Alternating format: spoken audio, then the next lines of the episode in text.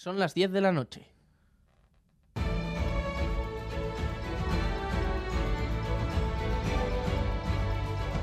Radio Euskadi y Radio Vitoria. Servicios informativos.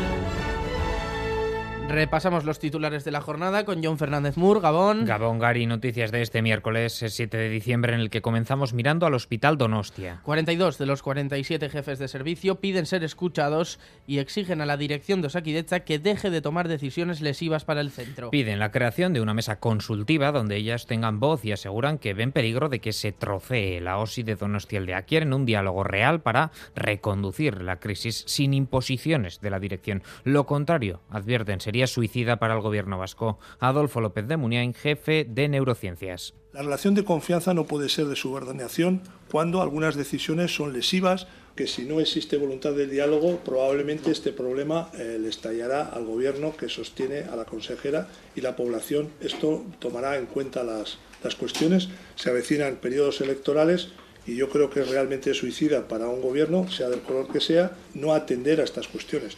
Sobre los ceses de la gerente y directora médica piden que se restituya su honor porque dicen esos ceses tienen más de punitivo que de medida lógica. El portavoz del gobierno vasco se ha referido a estos ceses. Vingen Zupiría. Los ceses eh, no se deben a un único motivo. Responden a una cadena de hechos que han generado una situación insostenible. Eh, ningún cargo de responsabilidad es obligatorio. Asumimos, quienes accedemos a un puesto de responsabilidad, ese qué hacer por voluntad propia y nos comprometemos a trabajar con una orientación definida y con un programa compartido. Y si no estamos de acuerdo con esa línea general, pues es lo normal es que nos apartemos de ella.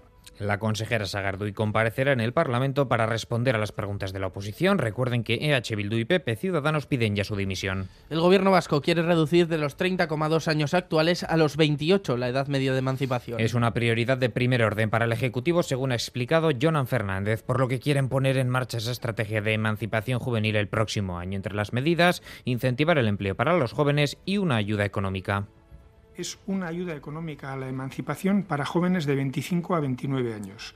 Sus características están en este momento en fase de estudio de detalle y las conclusiones de este estudio se conocerán y se eh, presentarán antes de la aprobación definitiva de la estrategia, por lo tanto antes de marzo un grupo de socios quiere cambiar los estatutos de la sociedad gastronómica más antigua de Bilbao, Gurechoco. Sí, y han llevado su denuncia hasta Emacunde, que está elaborando su dictamen. Armando Torres es uno de los impulsores del cambio.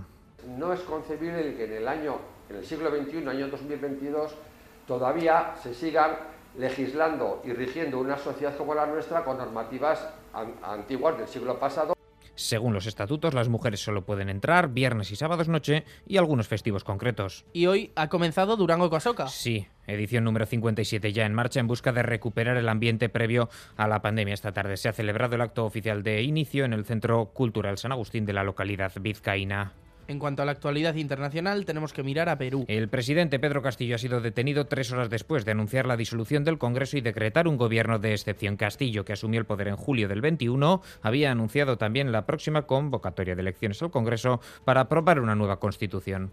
Disolver temporalmente el Congreso de la República e instaurar un gobierno de emergencia excepcional. Convocar en el más breve plazo a elecciones para un nuevo Congreso con facultades constituyentes. Varios ministros han dimitido mientras se suceden las denuncias de golpe de Estado, incluso dentro de su propio partido. La Asamblea de Perú ha aprobado la destitución del presidente Castillo por una holgada mayoría y la vicepresidenta Dina Boluarte asumirá el cargo este miércoles. Y en Alemania, 25 ultraderechistas han sido detenidos en una macrooperación policial por preparar un asalto al Parlamento. Efectivamente, al parecer planeaban un golpe de Estado. Entre los cabecillas algún aristócrata, exaltos cargos militares y una jueza exdiputada del partido ultraderechista Alternativa para Alemania. Así terminamos. Más noticias en una hora y en todo momento en itv.eus.